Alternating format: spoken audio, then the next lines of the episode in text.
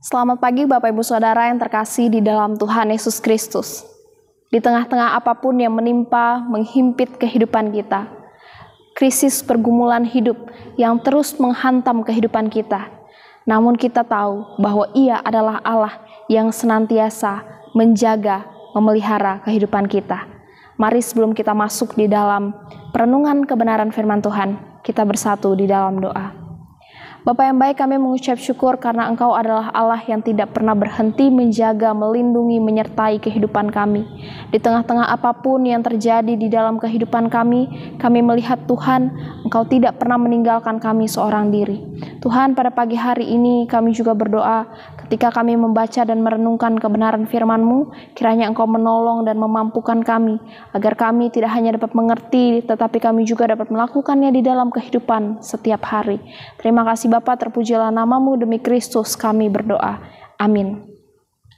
Saudara, tema hikmat pagi pada hari ini adalah kami telah percaya. Terambil dari Yohanes 6 ayatnya yang ke-67 sampai dengan 71. Namun saya akan membacakan ayatnya yang ke-68 sampai dengan ke-69 saja. Demikian bunyi firman Tuhan.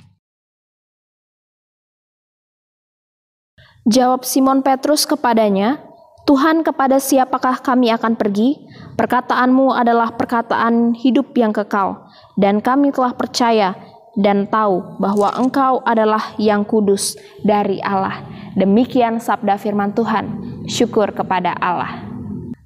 Bapak Ibu Saudara, apakah kita pernah mendengar teori Gates of Belief?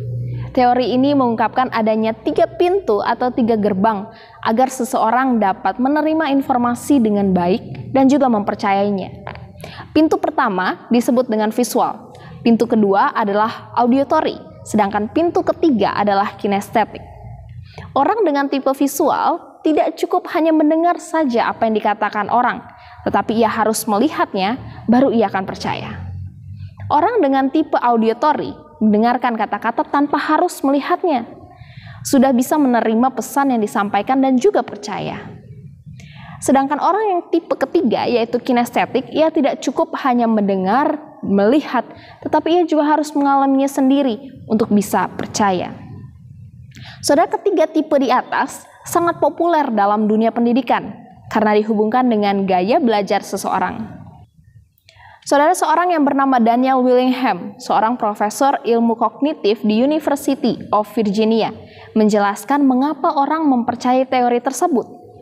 Di dalam otak manusia terdapat sistem yang mengatur mengenai ingatan visual, auditory, dan juga gerak otot, di mana yang satu lebih dominan daripada yang lain.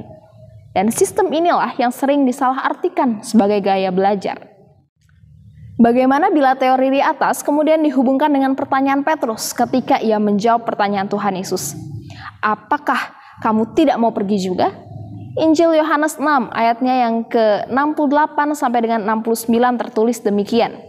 Jawab Simon Petrus kepadanya, Tuhan, kepada siapakah kami akan pergi?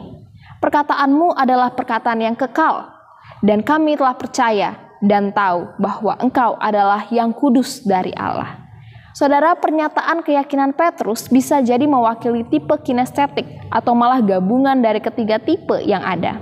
Pastinya, Petrus menyatakan bahwa ia telah melihat, mendengar, dan mengalami sendiri bersama para murid Yesus lainnya akan karya dan kuasa Tuhan Yesus.